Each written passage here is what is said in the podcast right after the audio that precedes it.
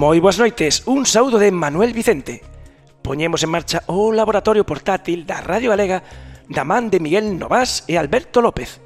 Somos o equipo de Efervesciencia e estamos no Salón de Actos de Tecnópole, no Parque Tecnolóxico de Galicia xa tiñamos moitas, moitas ganas de volver á maior feira científica de Galicia, a Galicencia.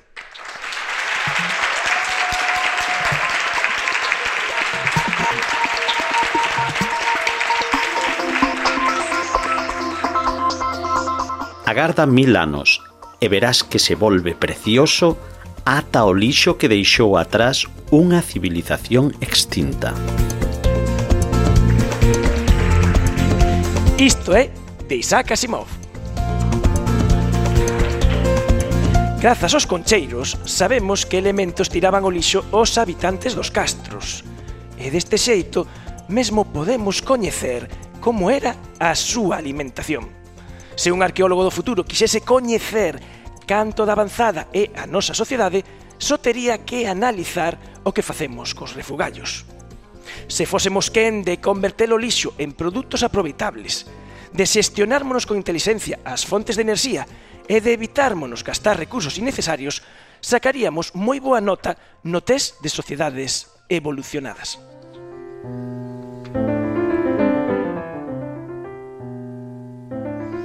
Xustamente, a Galiciencia deste ano vai disto, da chamada economía circular.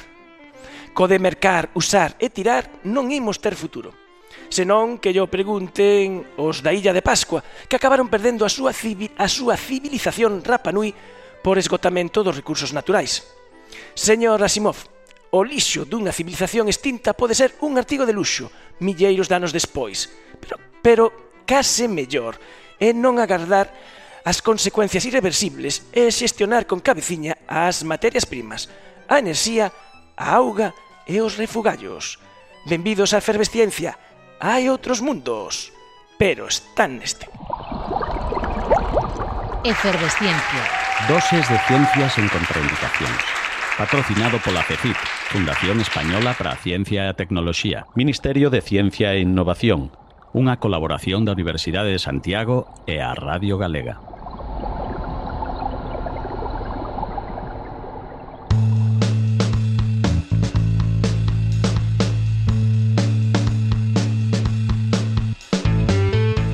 O noso anfitrión na Galiciencia é Javier Taibo, o director de Tecnópole. Javier, moi boas noites. Buenas noches. Bienvenidos a vuestra casa. Sí, a nosa casa, porque salvamos uns cantos anos facendo este programa especial desde a vosa Feira Científica Galiciencia. Temos que dicir que, como todas as cousas, houve unha pandemia polo medio, 2020 non houbo, 2021 tivo que ser virtual, pero por fin estamos aquí en persoa física. Sí, con muchas ganas de retomarlo presencialmente teníamos muchas ganas de vernos las caras y por fin ha llegado el día. Por fin estamos. Eh, levas como director de, de Tecnópole un ano, pero podemos decir que antes de, de Frade fuches cociñeiro, porque ti traballabas aquí nunha das empresas do parque. Correcto, sí, antes trabajaba en Negatel, en una empresa del parque, y durante muchos años fui jurado de Galiciencia. Entonces conozco la Galiciencia desde la otra óptica, la óptica del jurado, y ahora vivirlo desde dentro, que es una maravilla. Uh -huh. Os xurados de, de Galiciencia que durante estes tres días a vosa misión é coller, pescudar o público, os, os rapaces eh, non saben quen é o xurado, porque hai moita xente que pasa polo stand, pasa pola carpa, e teñen que facer a explicación do seu proxecto, comunicar é fundamental, senón e a cousa non, non vai, e non saben se que lle están explicando é un profesor de outro instituto ou se é algún membro do xurado. Claro. Ese es el misterio que tenemos que resolver. no, yo creo que los chicos son muy profesionales y a todo mundo atienden excelentemente bien, sea jurado o no. Uh -huh. eh, eh, eh, Javier, eh, ¿cómo remata un mexicano en Galicia? Bueno, es una historia corta y larga. Eh, corta porque eh, mis, pa mis, padres son asturianos, mi mujer es asturiana y he vivido pues, en España desde hace muchos años. ¿Por qué acabé en Tecnópole, en Orense? Pues eh, yo trabajaba en una empresa en Madrid y me ofrecieron la oportunidad de venir a Orense en el año 2012 a dirigir Egatel. Y desde entonces, pues me ha acogido muy bien esta ciudad y soy feliz aquí. Ah, fantástico, fantástico. Eh, eh, temos que dicir que eu cando falaba contigo dicía, bueno, pues a ver que tal pasa a rapazada, ti dicías, sí, sí, a, cham a chamacada. as palabras, as palabras mexicanos. A mí gusta tamén unha cousa de Galiciencia é a cuestión do, do cuidado que son os detalles e sobre todo de que cada vez se involucra máis a participación dos, eh, dos escolares que están aquí, dos profesores. Por exemplo, esta camiseta que vexo aquí, amarela, que ten casi todo o mundo, eu non, porque non era a miña talla, a que, a que tiven, pero xa terei a talla boa, pois eh, está deseñada eh, por, por, por un alumno. Claro, hacemos un concurso Dentro del proceso de Galicencia hacemos un par de concursos, uno es de una fotografía y otro es la imagen de las camisetas. Y bueno, la verdad es que el diseño de este año me ha, me ha encantado, nos ha encantado a los, a los que lo hemos seleccionado porque creo que recogen una imagen, pues eh, todo lo que es eh, las 7 Rs tan, tan importantes del proceso de la economía circular. Uh -huh. Os 7 Rs da economía circular do que falaremos máis abondosamente cos nosos invitados para facer falar un poquiño deste concepto que agora é tan actual, pero que bueno, que xa sabemos que ven de longe. E, Javier, e outra cousa, e cales son os datos básicos de, de, para saber as dimensións que ten esta feira científica, estes tres días que se vai desenvolver aquí en Galiciencia, eh, hoxe mércores que se rematou, sí. eh, xoves eh, e venres. Es muy difícil de medir porque este año también como tenemos la parte virtual, hasta que no veamos los impactos que han tenido los distintos vídeos, no tendremos el número definitivo. Pero bueno, en visitas directas estimamos más de mil personas, uh -huh. y luego en indirectas estamos estimando entre seis mil y siete mil personas. O sea que es un, una, audi una, audiencia juvenil muy grande. Uh -huh. eh, todo un evento. E abrimos a nosa mesa de convidados. Eh, presento agora a, a Miguel Ángel Yebra. Moi boas noites, Miguel Ángel. Boas noites. Ti es dos veteranos, dos profesores veteranos. De... Pois sí, a verdad que sí. Es eh, profesor do, do IES eh, Lagoa de Antela de Xinzo de Limia, E coido que non pediches ningún ano ou algún por aí solto. Algún sí, pero bueno, e máis tamén na pandemia, aínda que participamos de forma virtual, pero sí. Casi sempre asistimos. Sí. Moitos anos participando, pero sei que non con... acabastes convencendo o xurado, eh? Nunca. E aquí nunca rascamos un premio, non, non. Como é posible nunca. eso? Como. Oi, din aí por agora, din aí por agora. Nunca, nunca, non. En outros concursos, por exemplo, o Premio Luis Freire da Casa das Ciencias da Coruña, aí sí, pero aquí non, isto é máis tecnolóxico con noso. Ah, pois dices a parte máis científica, hai, eh, hai que eh. saber vendela, porque, bueno, o proceso científico-tecnolóxico non remata ata que está comunicado, porque senón faltalle esa pata fundamental. E se temos un veterano, temos a unha profesora novata. Eh, Isabela Fernández, moi boas noites. Hola, boas noites. Eh, Isabela Fernández, eh, la ven do Centro Integrado de Formación Profesional Politécnico de Lugo, e este é o teu primeiro ano. Sí, o noso primeiro ano. O noso primeiro ano e ademais coa novedade que sodes dos pioneiros de, de eh, graus de FP que veñen á licencia. Sí. Eh, creo mm, que hai outros ce tres centros máis eh, participando este ano. En novedade de, de este ano e eh, non sei se foi moi difícil convencerte que, que viñera de Eh, pois non, a verdad, bueno, son fácil de, de convencer ou de liar, pero non, non, non me fixo falta moito para uh -huh. convencerme. E no voso caso, o voso proxecto ten que ver co, co peixe cebra. Sí. Explícanos que é o peixe cebra, unha cebra eh, na auga. Eh, eh, eh, bueno, un, un peixe que se está empregando eh, na actualidade como organismo modelo para a investigación biomédica. Uh -huh. Animal modelo e que en Lugo hai un grupo moi potente Eh, de Laura Sánchez Piñón que, que son pioneiros no traballo con, con este animal modelo, non? Sí, eh, o grupo Cebra Biorres, que bueno, unha colaboración que, que fai con nós para poder levar a cabo este proxecto. Uh -huh. E, o seu ciclo? Eh, que ciclo é? É o ciclo superior de Laboratorio Clínico e Biomédico, Eh, eh, concretamente o módulo no que implantamos este proxecto é eh, eh, o módulo de Biología Molecular e Citoxenética. Uh -huh. e, e con estes eh, peixes cebra que son eh, peixes que nos que se poden ver as, as células casi prácticamente transparentes. Sí, transparentes. E, e que medran rápido, unha cousa importante tamén para a investigación. unha alta fecundidade. Uh -huh. Vamos a vender o peixe cebra, aquí para que haxa logo máis proxectos de peixe cebra. E que, por exemplo, eh, eh, utilízase no, no, no vosso grupo no, eh, para investigar enfermedades raras e crear como peixes avatar no que metes os senes involucrados en doenzas, non? Como sí. isto? Peixes, peixes mutados, de feito, en... nós estamos estudiando a enfermedade de Niemann-Pick, eh, unha enfermedade neurodegenerativa, e eh, no laboratorio conseguiron eh, facer peixes eh, mutados para o xen NPC1, que é o que eh, estamos nos esti estudiando, eh, fano eles mediante o método eh, CRISPR de modificación xenética. Uh -huh. Bueno, Quisper. Eh, Miguel, eh, eh, ti és eh, profesor de ciencias e, e non só és, és profesor do, do IES eh, la Guadantela, senón que ti formas os futuros profesores na Escola de Magisterio de, de Ourense, da Universidade de Vigo e tamén no máster de, de secundaria. Educación secundaria, sí, tamén e, alá en Vigo, sí. E, e o mellor, quizáis pode haber un preconcepto na xente que nos está escoitando nas, nas casas, o mellor, a xente daqui, os rapaces, vos sufrides os vosos profesores. Pero eu pregunto, As ciencias ensínanse agora en 2022 igual que o mellor hai dúas décadas ou tres décadas. Igual non, ten habido cambios, gracias a Dios. Pero non sei como explicar, é que estamos ahora mesmo diante dunha reforma, non? E eu teño a sensación de que todo volve outra vez para atrás. Quitan horas en, en bioloxía, en primeiro da ESO, en física e química, en segundo da ESO. E entón estou enfadadísimo con estas reformas de reformas, de máis reformas, todo é reformar sin tan tempo a que nada se asente, que se poda ver se si funciona ou non funciona. Entón parece que son ideas así iluminadas, a ver, a ver que sai, entón, non sei, que decirche, de verdad, se si se, si se ensina mellor, peor, ou igual, non o sei. Pero es que o que si sí é certo é que hai investigación didáctica das ciencias experimentais, que quere dicir que na vosa disciplina vos colledes diferentes metodoloxías e vedes na aula cal son máis efectivas. Intentamos, sí.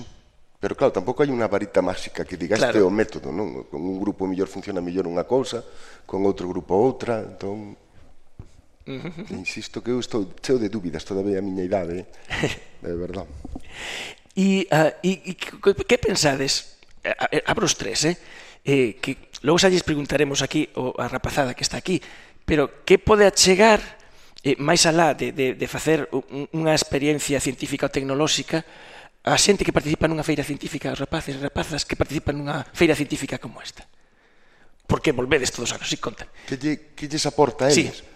Fundamentalmente a experiencia de estar aquí con outros rapaces que ven que fan o mesmo, poder, poder contar unos con outros o que fan, como fixeron, eh, que, que veña a xente a velos, eles síntese moi importantes. Hoxe, ou esa mañá, os vi ali todos orgullosos, contándolle os demais que lles preguntaba, e vendo como lles funcionaba o que fixeron. Eso eu creo que lles aporta moitísimo. Moitísimo. Uh -huh. eh, eh, Javier, porque eh, estar aquí xa é parte do... Inda que hai uns premios, realmente o premio importante é poder vir e participar na, na Galiciencia, porque hai eh, institutos que quedaron fora. Sí, sin lugar a dudas, el, el gran premio es estar aquí, eh, porque la, la experiencia de compartir con otras personas los trabajos en los que has dedicado el tiempo, pues siempre es muy gratificante. Entonces yo creo que ese es el primer premio.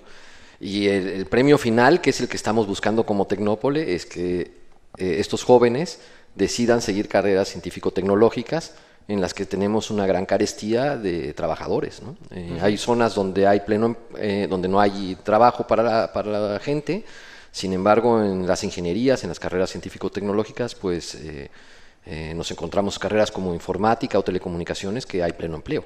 Entonces, bueno, hay que fomentar que se sigan esas carreras. E vos tamén te facedes unha énfase eh, ben interesante pola participación das nenas. Claro, importantísimo que las nenas se pongan a- al, al nivel de representatividad que tienen los hombres y les demos la oportunidad para que así sea. Eh, ¿Por qué? Porque no podemos perder a la mitad de la población de España o de Galicia en, esta, en este juego, ¿no? Tenemos que ir todos hacia adelante, contamos con todos, con los chicos y las chicas, para que podamos construir una Galicia mejor en el futuro. Y se construye con tecnología. E, e, bueno, pues ahora mirando para a vosa casa, como son as vosas empresas en ese aspecto, as vosas empresas aquí de, de Tecnópole? Pues tenemos empresas muy interesantes. Tenemos empresas que se dedican al sector de la aeronáutica, que construyen componentes para aviones en los que nos subimos, como los Airbuses, los Airbus. Tenemos eh, empresas que se dedican a las telecomunicaciones por satélite o a difundir la señal de la televisión digital terrestre para que llegue a todas nuestras casas. Y, y bueno, pues eh, tenemos otras empresas que se dedican a temas de componentes para el automóvil, otras empresas que están haciendo innovación en, en medicina, por ejemplo, laboratorios que controlan la calidad del agua o nos hacen PCRs para saber si estamos sanos del coronavirus o no. Una infinidad. Y luego también tenemos centros tecnológicos, que no todos son empresas. Centros tecnológicos que son la cadena entre la universidad y la empresa para poder llevar ese conocimiento a la implementación. Que digamos que eh, a mellor non sodes conscientes os que estades aquí que o que estades facendo aquí en pequena escala, en pequeno, na vida real, eh, a poucos metros está sucedendo. Está sucedendo a innovación, a, a creación de, de, de economía, a xeración de riqueza, emprego tecnolóxico, startups, estamos, este é o ecosistema. Sí, correcto. Esta es una reproducción en pequeño de lo que pasa en el parque tecnológico, que es una reproducción a su vez en pequeño de lo que pasa en Galicia, que es una reproducción en pequeño de lo que pasa en España y lo que pasa en el mundo. Eh, a final de cuentas, pues somos un reflejo de, de lo que existe en, la, en, el mundo, se está haciendo innovación, se está investigando y si no queremos rezagarnos tenemos que estar a la punta y en la punta es Galiciencia, uh -huh. porque el futuro está aquí. non está en outro lugar. E temos que dicir que non todo vai a ser eh, facer as presentacións dos dos proxectos, que os participantes tiveron que mandar un vídeo, tamén hai espectáculos de ciencia con David Ballesteros, hai simultaneamente eh, charlas sobre minerais estratégicos, hai obradoiros en continuo para os visitantes que, que están aquí, digamos que é un fervedoiro e case non hai tempo de ir para un lado para outro. Eh, eh, Isabela, como, como novata, non sei como estás vivindo estas primeiras horas aquí. Eh, pois, eh, moi ben, moi a gusto, eh, sorpréndeme o ben organizado, a variedade de cousas que hai, eh, eh, bueno, moi ben, para ser o primeiro ano unha experiencia repetible, dende logo. Uh -huh. Vas enganchar aí como, como Miguel. Eh, eh, eh, Miguel, como animarías a outros docentes, profesores que, que, que nunca se animaron a estas cousas a que, a que veñan? É que eu penso que a ciencia aprendese facendo ciencia, non explicando nun aula, hai que practicala para, para entendela e, e esta é unha forma moi, moi interesante de facelo. Uh -huh, porque están os experimentos que na teoría moitas veces hai, pero logo cando os facemos atopámonos coas dificultades. É unha cousa que digo, é que se sai a primeira non é experimento. Hai que facer as probas, hai que ver como fan. Pois, pois nada, eh, moitísimas grazas por estar connosco. Imos seguir comentando cousas e se queredes, pois podedes eh, participar no momento no que queirades. Música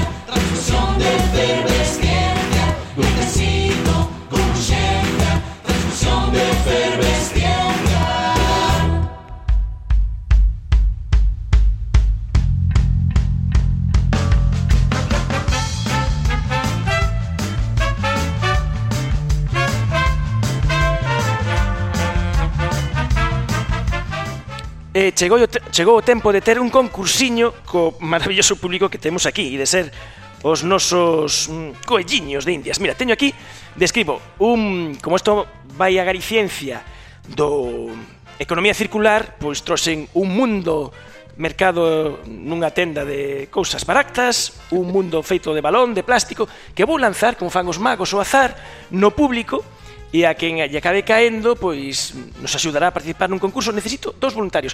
Mira, temos aquí da axudante porteadora Sabela. Lanzas ti aí, para que non haxa trampas.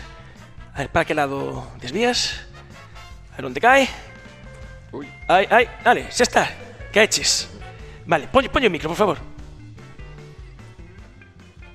Sí, sí. Hola, como te chamas? Eh, chámame Diego. Diego, vale, como necesito dos participantes e eh, ides ter que compartir micrófono, mira, fíxate, vai participar a rapaza que está o teu carón. Xa que así. quen, es, quen é? Ora, eu chamome Melanie. Vale, Melanie e Diego. Eh, a cousa consiste no seguinte, eu vou facer tres preguntas que teñen tres respostas A, B ou C. De acordo?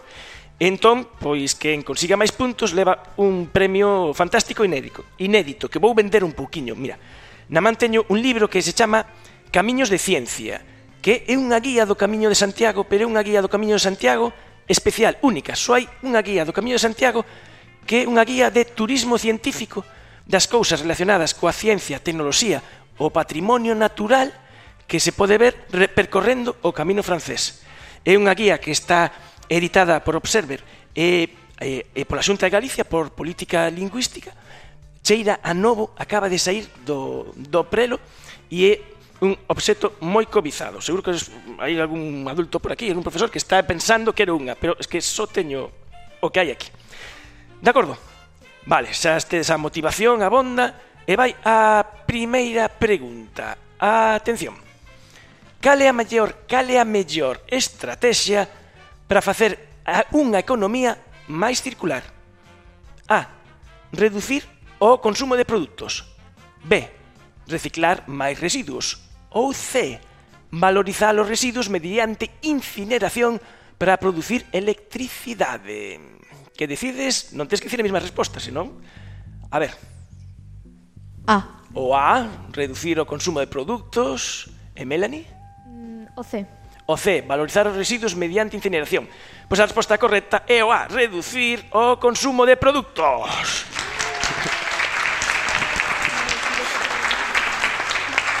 Bueno, temos un punto a cero, seguimos. Quedan dúas preguntas, Melaninda pode recuperar. Eh, logo digo que me axudou a facer estas preguntas, que está aquí moi preto de min. Canta auga necesaria para producir unha camiseta e un pantalón de algodón? A. 27 litros de auga. B. 2.700 litros de auga. Ou C. 27.000 litros de auga. O B. O B, 2.700 litros de auga. E? O C. O C, 27.000 litros de auga e con eso empatades, porque é a resposta correcta. 27.000 litros de auga.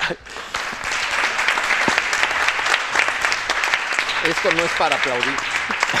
27.000 litros. 26 litros. No, que, que, ten razón, Javier, es que se o pensamos, 27.000 litros é unha barbaridade. É, é unha barbaridade.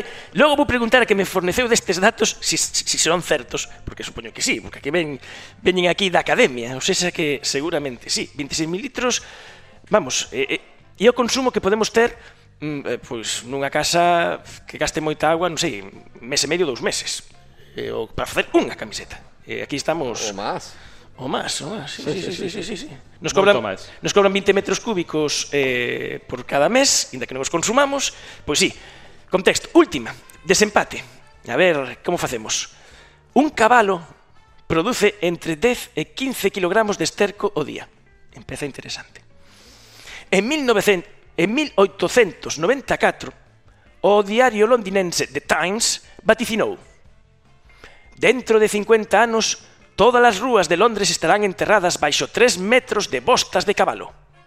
Que pasou despois? Ah, Henry Ford inventa a produción en serie dos coches. A tecnoloxía sempre acaba arranxando os problemas. B. Organizouse un sistema de recollida de esterco pros campos. A produtividade agrícola medrou un 4%. Ou C. E trola. A crise da bosta do cabalo de 1894 nunca existiu. C. C. C. Pues sí, correctamente. Un aplauso. bueno, pois Temos empate, entonces ides levar cada un de vos, mira, so as dúas únicas guías que teño eh, de Camiños de Ciencia, guía de viaxe para peregrinos curiosos, eh, con etapas do Camiño francés, eh, o Camino de Inverno e con máis de 100 puntos de interese editado por Observer e Política Lingüística da Xunta de Galicia. Bueno, eh, Isabela, levades para aí. E, eh, eh, mira, pensá que estades aí, eh, contádeme algo de vos, porque onde vides, eh, que traedes aquí a Galiciencia. Eh, nos somos do Instituto IES Luis Seoane de Pontevedra. Uh -huh. eh, vimos eh, cun proxecto que organizamos eh, cunha asociación que chamase Robur Robur, fala sobre o Carballo de Santa Margarida, é un carballo que ten máis de 500 anos, e agora está enfermo. Por iso queríamos darlle visibilización e decidimos eh, realizar tinta como facíase eh, antigamente, a partir eh, dos bugallos do carballo. Eh, o fixemos eh, cos bugallos, que son un método de defensa que ten o carballo ante unhas avispas que intentan eh, picar e poñer o vosso carballo. Entón, nos eh, os machacamos, despois os trituramos, botámoslle agua destilada para que o tanino, unha sustancia que dá color a tinta, uh -huh. eh, quedara, quedara aí. Entón, botamos sulf, eh, sulfato ferroso, que o que fai é darlle o color negro a tinta, e logo... Eh, eh, vai. bueno, eu se, eu se fose xa xurado, xa estaría aí apuntando aí. Non son, eh? Non son. O sea que está de, está de tranquilos. E, e onde está este carballo? Eh, está en Monteporreiro. Ajá, ajá. Bueno, pois pues, que, que interesante. Pois pues este é un exemplo escollido o azar dos proxectos que se presentan, que se están a presentar no Galiciencia deste ano. Moitísimas grazas. Gracias.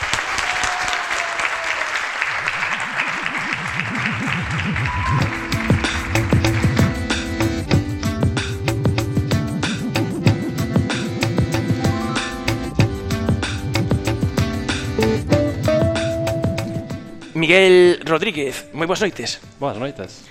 Investigador de COVAS, o Centro de Investigación Interuniversitario de Economía e Administración de Empresas para a Sociedade. O nome do voso centro xa di todo, xa é unha declaración de principios. Sí, sí, claro. Eh, contribuir ao desenvolvemento económico e social da, de Galicia. Claro. Uh -huh. eh, ti és eh, economista. Son economista. Doutor economista. E aquí os economistas, economía circular, tedes moito que dicir. Efectivamente, moitísimo.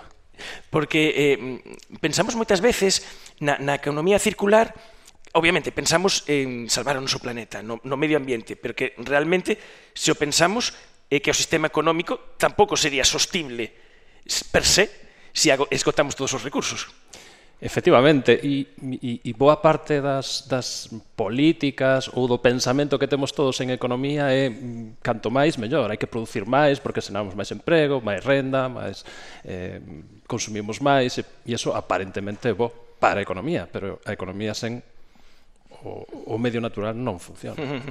E entón, claro, este modelo de eh, producir, usar e tirar, temos que desbotalo, Eh, eh, poñer a economía circular, pero mm, como explicaríamos así, como máis globalmente, que é isto da economía circular? Moi sincero. Um, economía circular consiste en reducir o impacto que todos nós temos no medio ambiente. Sesamos empresas, productores ou sesamos consumidores. E nese consiste basicamente. Para o cal podemos ter diferentes estrategias normalmente asociamos a economía circular a reciclase, pero eso é, digamos, que a parte final, o último que debemos facer. O mellor é reducir, porque, como pusemos agora o exemplo Na pregunta. do pantalón e a camiseta que todos levamos habitualmente, e normalmente son de algodón, Pois claro, eso require empregar moitísima auga na agricultura dese algodón, moitísimos fertilizantes químicos e fitosanitarios que contaminan a auga, a aire, a nosa saúde, a terra, e despois na factura, na manufactura das prendas, hai unha parte moi importante na que se producen augas moi contaminantes vinculadas a todo o que é o tintado. Uh -huh. Eh, polo tanto, mm, se queremos evitar residuos e a, produción, e a contaminación que producen, o mellor é reducir o consumo na medida do posible. Ese é o mellor que podemos facer. Porque entón, polo que contas, o prezo que pagamos por unha camiseta non é o valor que ten esa camiseta, porque hai un valor ambiental de, de costes asociados que non se repercuten, por exemplo, pois estragar o ambiente no sitio onde se produce. Efectivamente, pagamos moito menos do que debemos valer, do que debemos pagar. Claro que eh, normalmente non percibimos moitos desos impactos porque se producen en Bangladesh, en Vietnam ou non sei onde, moi lonxe de nós e parece que estamos cegos o que está pasando, uh -huh. pero non somos responsables do que está pasando neses países. eh, eh, bueno, Javier, aquí no, no Parque tecnolóxico eh, non é casualidade que o tema sexa este, e me imagino que vos apostades pola economía circular, e eu xa estive no baño, pecha a villa, non gastes a auga, estades aí... Nos queda muchísimo por hacer. Esto empiezas, pero nunca sabrás cuándo terminas. Y bueno, eh, no todo depende de nosotros, desgraciadamente. Tenemos aquí factores externos que no nos ayudan a hacer ir tan rápido como, como quisiéramos, pero bueno, yo creo que desde la generación de la energía que consumimos, en la que estamos trabajando muy fuertemente para aumentar la base instalada. Actualmente el parque genera el 7% de la energía que consume. Nuestro objetivo es en el largo plazo lograr la desconexión, es decir, que generemos la energía que consumimos y bueno, de igual manera pues con todo, ¿no? Queremos eh, tener un impacto mínimo porque creemos que no solo es importante para la sociedad y para el mundo en el que vivimos, sino porque consideramos que las empresas que queremos atraer al parque son las empresas que consideran esto como relevante, como un diferenciador. Eh, Miguel, eh, vos, o, o, a xente de Covas, fixestes de asesoramento para, para os materiais que, que houve aquí e eh, no, no teu caso ti tes traballado tamén eh, pois deseñando a estrategia de economía circular da, da Xunta de Galicia. Eso xa foi tempo atrás, cumplíronse os, os obxectivos ou como estamos? Bueno, eh, algúns, algunhas accións non sabería valorar cantas, no? pero algunhas as accións sí se están a desenvolver. Eh, por exemplo, eh, a Xunta está intentando eh, resolver o problema dos purins, eh, facendo algún tipo de, de reciclase, convertir ese residuo en realidade nun subproducto, vense apro aproveitando con biogás o, o que queda, os restantes dos lodos para intentar eh, facer algún tipo de compostaxe, dicir, emenda, emenda orgánica para, para a agricultura eh, están agora pois, pues, aproveitar a madeira para facer textil, textil que en lugar de ser de algodón, que é moi, como acabamos de ver, moi intensivo en auga e en produtos mm. contaminantes, ou mm, textil en base de petróleo, pues empregar un, un, un produto renovable eh, máis respetuoso. Bueno, se están avanzando algunhas das medidas que xa, xa avanzamos no seu día. Tamén, por exemplo, temos o caso aquí en Ourense hubo unhas xornadas hai pouco científicas sobre isto dun proxecto europeo que consistía en convertir a, a depuradora de agua de residuos de Ourense en unha biofactoría onde se vai a producir gas, se van a extraer produtos con valor engadido, eh, res, residuos. Eh, compost para enmenda orgánica, etc. Bueno, uh -huh. entón, se está avanzando. Uh -huh. Esa idea de que as, unha cousa que se tira poden ser cartos que se perden se conseguimos un xeito de volver a metelo eh, no sistema. E, e E quizáis unha, unha cuestión tamén interesante é que eh, o 40% dos eh, residuos sólidos urbanos é materia orgánica e a Comisión Europea está moi preocupada por isto e eh, deu un, un prazo aos países ata decembro, ata Nadal de 2023 para implantar o que sería o quinto contedor, o contedor marrón eh, para residuos orgánicos. Pero mm, temome que en Galicia a implantación imos, vai, está sendo moi desigual en, en cada concello. Si, sí, está sendo moi desigual. En, na Galiza e en España en xeral non se avanzou demasiado. A, a pesar de que sabíamos isto, esta, esta imposición, esta norma, desde aí bastantes anos, tivemos mm. tempo suficiente para facelo. E entonces os, os concellos teñen que, que espabilarse. Eh, que pode ser con contedor marrón, o famoso contedor marrón, pero bueno, vamos a ver como eso se pode xestionar, donde se vai a xestionar, porque se queres cir ser circular non podes mandar ese contedor marrón en camións a moita distancia, moitos kilómetros para claro. xestionar eso, porque entonces consumes combustible, necesitas camións. Eu penso que os concellos deberían tomar en serio aproveitar os servizos ecosistémicos que nos pode proporcionar o urbanismo. É dicir, temos parques, os parques poden ser lugares para facer eh, drenaxe sostible da auga da chuvia en lugar de mandala por canalizacións a unha depuradora que despois hai que depurar supostamente auga de choiva misturada con, con residuos, o cal non ten moito sentido, ou mm, aproveitemos os parques para que haxa composteiros comunitarios, nos que todo o mundo poda levar ali, e xa verás como se reduce moito o contido do, do contedor verde e todos os custes que eso leva para que son moitísimos. Eh, vos poño un exemplo. Unha vila de tamaño máis ou menos pequeno, un concello pequeno, por exemplo, teño os datos de Tomiño, na, no sur de Pontevedra, se gasta eh, na xestión dos residuos sólidos urbanos eh, 700.000 euros uh -huh. ao ano. Eh, xa non falo dos impactos ambientais, de andar con camións enviando cousas a Sogama. entonces se somos capaces de reducir eh, o peso e o volumen dos residuos sólidos urbanos, eso é un aforro para todos nós, para os concellos, poderán usar máis cartos en outro tipo de accións, cultura, educación, outro tipo, e contribuiremos ao medio ambiente, é dicir, gañamos todos. E, e vos, o voso traballo na academia como investigadores é poñer eh, eh números, datos, evidencias a esta clase de procesos que son complexos, eh, que requiren un, un, manexo de unha gran cantidad de datos e así conseguir extraer información. E, tedes feito traballos, eu vin traballos sobre bueno, as emisións de China e tal. E, sempre que falamos destas cousas, sempre se nos vai a, a, a imaginación o xigante asiático que realmente é un cuarto da, da humanidade e parece ser que mm, temos a mellor impresión desde aquí que o están facendo todo mal, Pero, mm, cal é a situación real? Ambientalmente hai unha preocupación en China que é medio planeta, bueno, un cuarto do planeta. Hai preocupación porque todo o mundo está mirando cara a eles. Eh, se convertiron nos últimos 15 ou 20 anos no país, no principal país emisor de gases de efecto invernadeiro, ademais de outros problemas ambientais que se. Porque son un país enorme y todo o que pase ali ten un impacto brutal en todo o mundo. Entonces, efectivamente, están intentando ter máis enerxía renovable con eólicos, fotovoltaica, eh, é o país do mundo con máis coches eléctricos, China, non é Estados Unidos ou Europa, non é China, É dicir, están intentando avanzar, pero claro, o país está medrando a tal ritmo, ou estivo medrando a tal ritmo, que calquera mellora ambiental que están facendo acome o propio proceso de crecemento. Crece uh -huh. economicamente, consume máis, máis produtos, produce máis produtos, e, e entonces o comido polo servido. As melloras que hai por un claro. lado se perden polo forte incremento da economía. entonces uh -huh. é, é importante estar atentos ao que pasa en China, porque a todos nos afecta. Uh -huh. Bueno, vou deixarlle eh, a Miguel feita unha pregunta retórica, que é retórica non, que se pode contestar pero non aquí, que se toda a enerxía que consumimos eh, viñese de fontes renovables, pagaríamos menos pola electricidade? Non, Miguel, non contestes, porque a xente o que pode facer é se quer saber cousas así, traballos, ten un artigo moi interesante en The Conversation no que respondes eh, polo miúdo con esta pregunta, para ver precisamente para que nos valen os economistas e que clase de preguntas interesantes eh, se poden, se poden responder.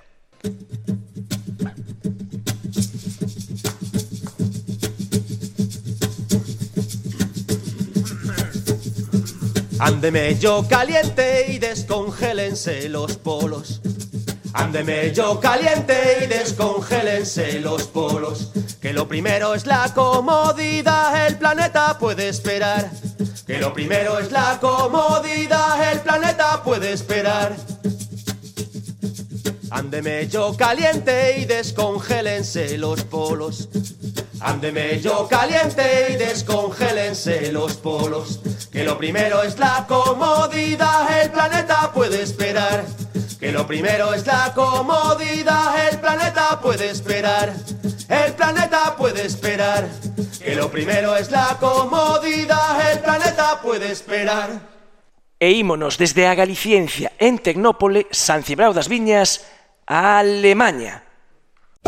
César Muñoz Fotela, Moi boas noites. Hola, boas noites, Manuel. É unha aperta grande para eh, Galiciencia tamén.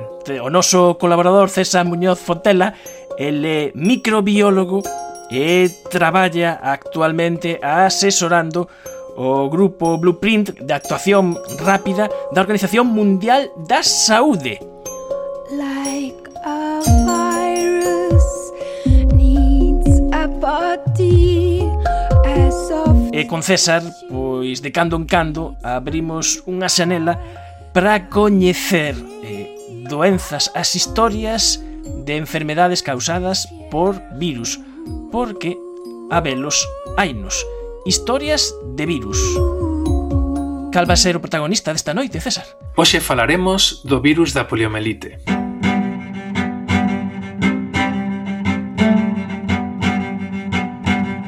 Comezamos a nosa historia en Escocia.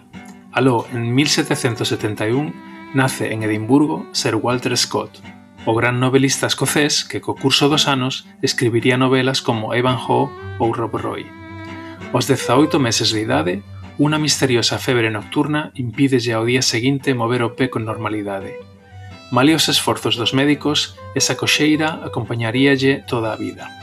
Ao longo do século XVIII e XIX, máis casos desta infección e moitos casos paralizante danse a coñecer. Son os primeiros casos documentados do virus da poliomelite. A descrición de parálise en cativos, observada despois dun episodio de febre aguda, é unha constante nos textos médicos do século XVIII e XIX. Un dos mellores textos da época é o do médico escocés Charles Bell, que en 1844 describiu a primeira epidemia documentada de poliomielitis na illa de Santa Helena. O talento do Dr. Bell para a investigación de casos de polio fíxose tan famoso na súa época que Arthur Conan Doyle usouno como modelo para o seu máis famoso detective, Sherlock Holmes.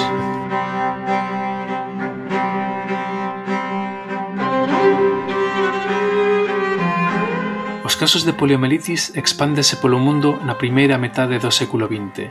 En Europa e os Estados Unidos as epidemias asocianse ao verán, e moi especialmente ao uso das piscinas públicas que aterrorizan as nais dos nenos pequenos. En 1916, unha epidemia especialmente virulenta cebase na cidade de Nova York. As piscinas e os colexios péchanse. Toda a cidade ponse en cuarentena. Os máis ricos atopan a forma de sair da cidade cara ás casas de campo, Os menores de 16 anos que quedan atrapados na cidade atópanse fora da vida pública. As familias encerran aos seus nenos nas casas, en moitas ocasións coas xanelas pechadas durante o verán. Nesta época, un home que roza a trintena enférmase de polio e queda paralizado de cintura para baixo. É o futuro presidente dos Estados Unidos, Franklin Delano Roosevelt.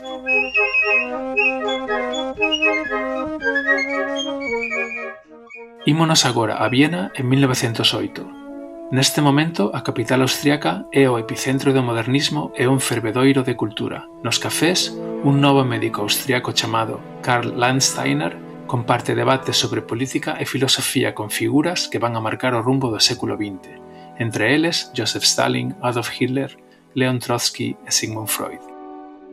Porén Landsteiner non está interesado na política como no traballo de Friedrich Loeffler e Paul Frosch, médicos alemáns que acaban de descubrir o primeiro virus animal, o virus da febre aftosa do gando.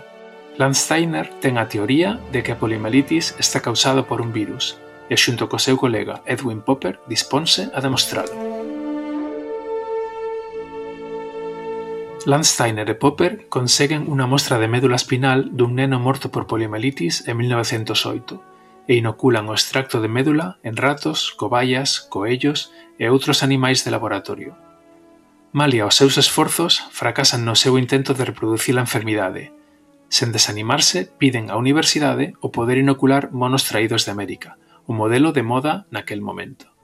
Porén, son investigadores novos e a xerarquía da Universidade de Viena é clara. Os monos do Novo Mundo están destinados aos experimentos importantes. Se queren probar as súas teorías absurdas, poden usar monos asiáticos descartados doutros experimentos.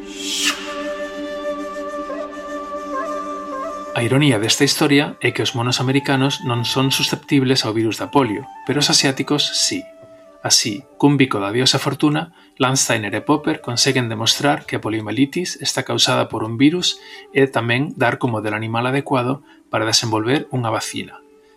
Este achado dáse a coñecer rápido na comunidade científica da época, En 1911, Simon Flexner, no Instituto Rockefeller de Nova York, anuncia Xa sabemos como se contaxa o virus e como o imos a curar. A vacina está moi preto.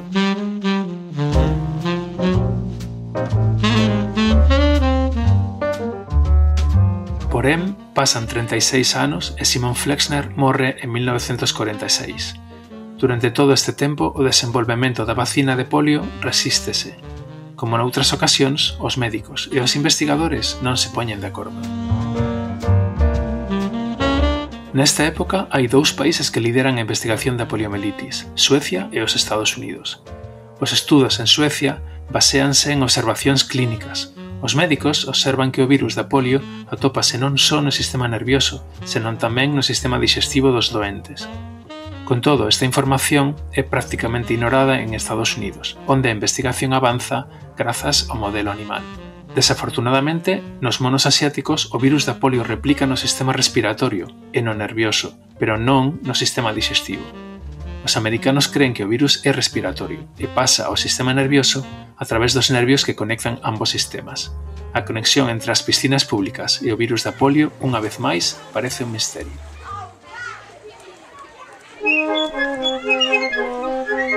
En 1932, o Partido Demócrata presenta a Franklin Delano Roosevelt como candidato á presidencia dos Estados Unidos. É un momento de comentarios na prensa nacional que se pregunta Ten Roosevelt a capacidade física necesaria para ser presidente? Joseph Eli, do seu propio Partido Demócrata, comenta Como demócratas, vemos difícil impresionar a nación a non ser que o noso candidato sexa un home de acción, viril e de forte personalidade. Gañar require un home que poida pelexar a puñadas tanto física como mentalmente. Ademais da poliomielitis paralizante, outra forma de polio pode se dar se a infección do sistema nervioso afecta aos nervios que controlan a respiración. Neste caso, o paciente non pode respirar por se mesmo e morre. Para facer fronte a esta forma terrible da enfermidade, un enxeñeiro de Harvard chamado Philip Dinker deseña en 1929 un respirador mecánico que é chamado o pulmón de aceiro. Trátase dun cilindro de metal no que o paciente debe pasar toda a súa vida. En 2008, Diane Odell morre aos 61 anos de idade despois de pasar máis de 50 nun pulmón de aceiro. A causa da súa morte un erro no tendido eléctrico que deixa sen funcionar a seu respirador.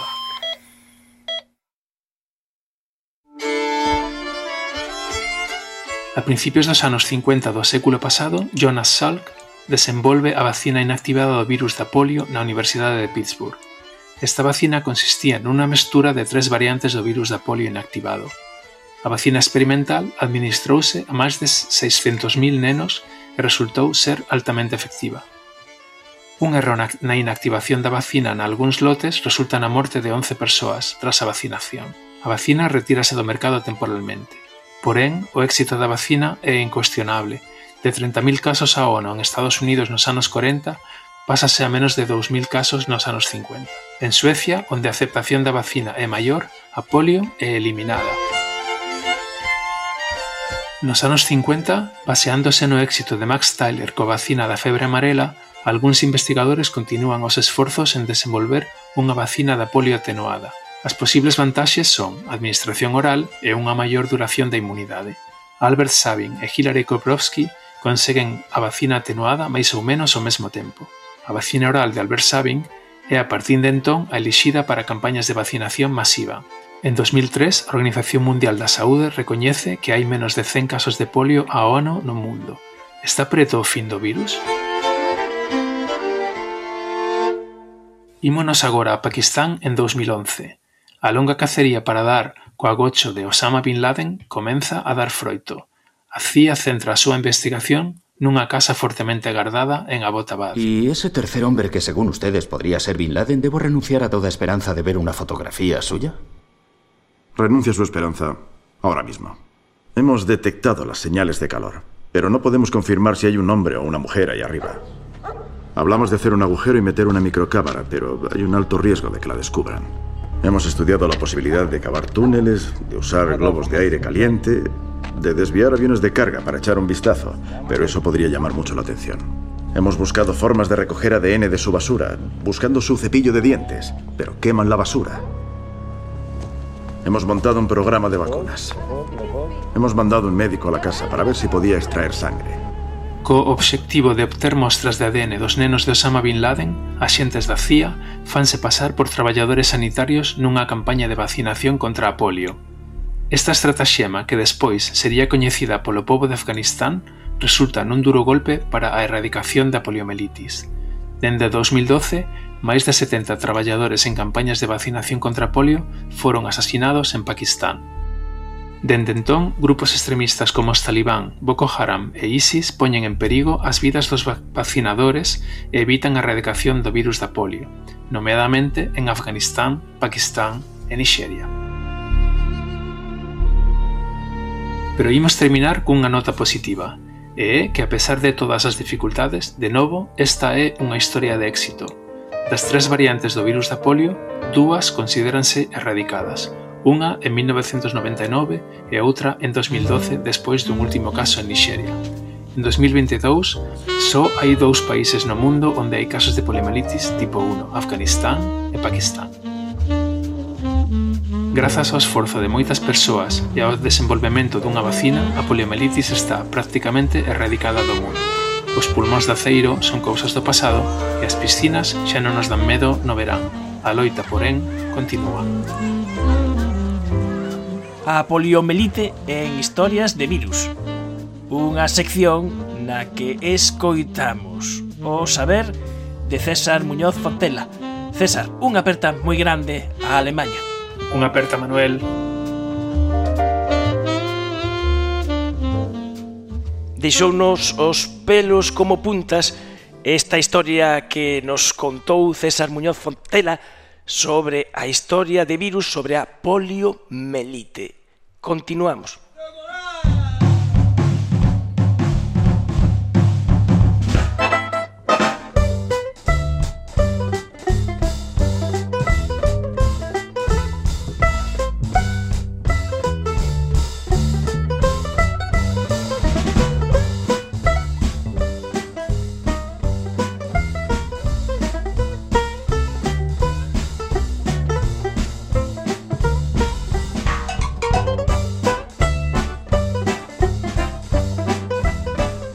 E seguimos en Tecnópole na Galiciencia. En nos últimos minutos do programa imos eh, facer mudar a nosa mesa de convidados e eh, ter eh, novos profesores. Eh, Lourdes González Sotelo, eh, moi boas noites. Boas noites.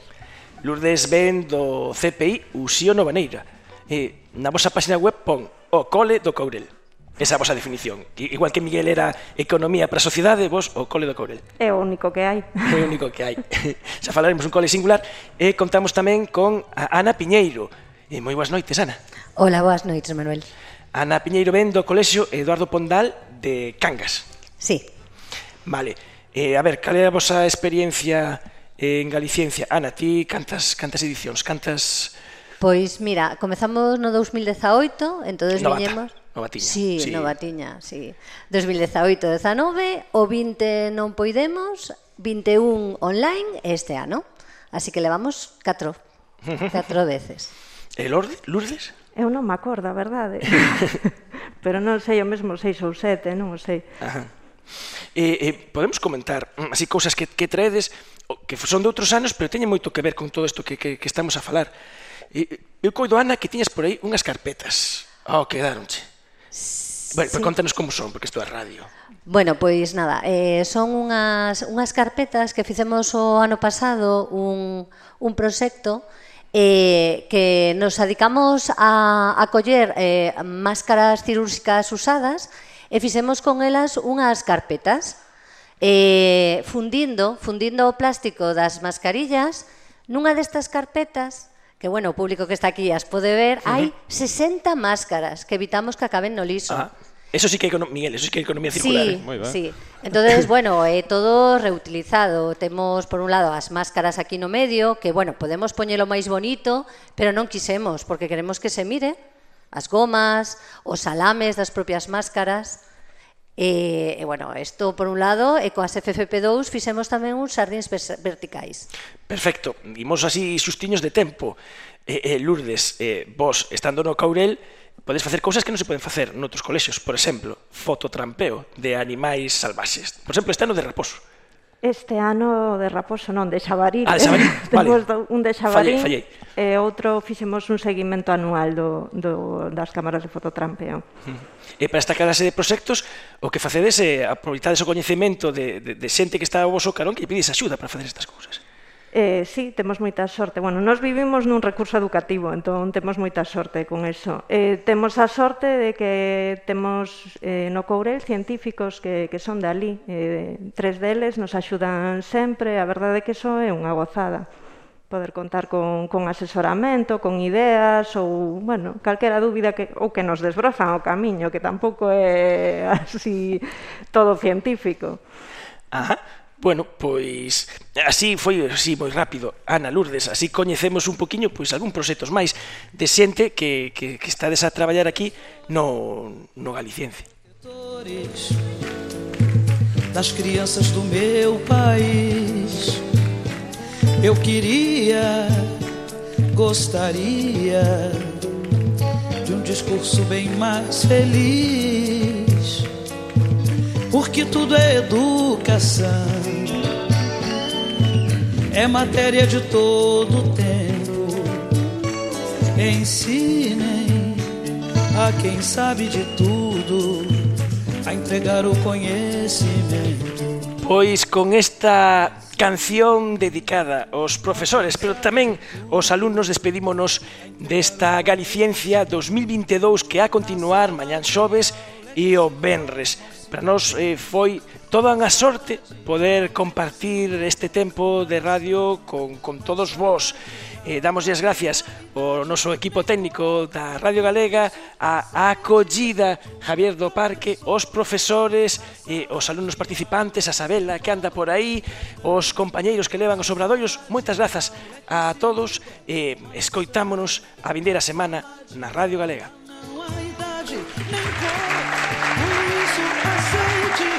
Efervesciencia. Patrocinado pola FECIP, Fundación Española para Ciencia e Tecnoloxía, Ministerio de Ciencia e Innovación, unha colaboración da Universidade de Santiago e a Radio Galega. O apoio da Axencia Galega de Innovación da Xunta de Galicia.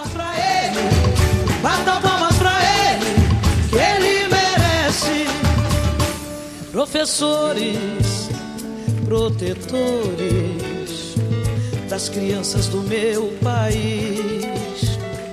Eu queria, como eu gostaria, de um discurso bem mais feliz, porque tudo é educação, é matéria de todo tempo. Ensinem a quem pensa que sabe de tudo a entregar o conhecimento.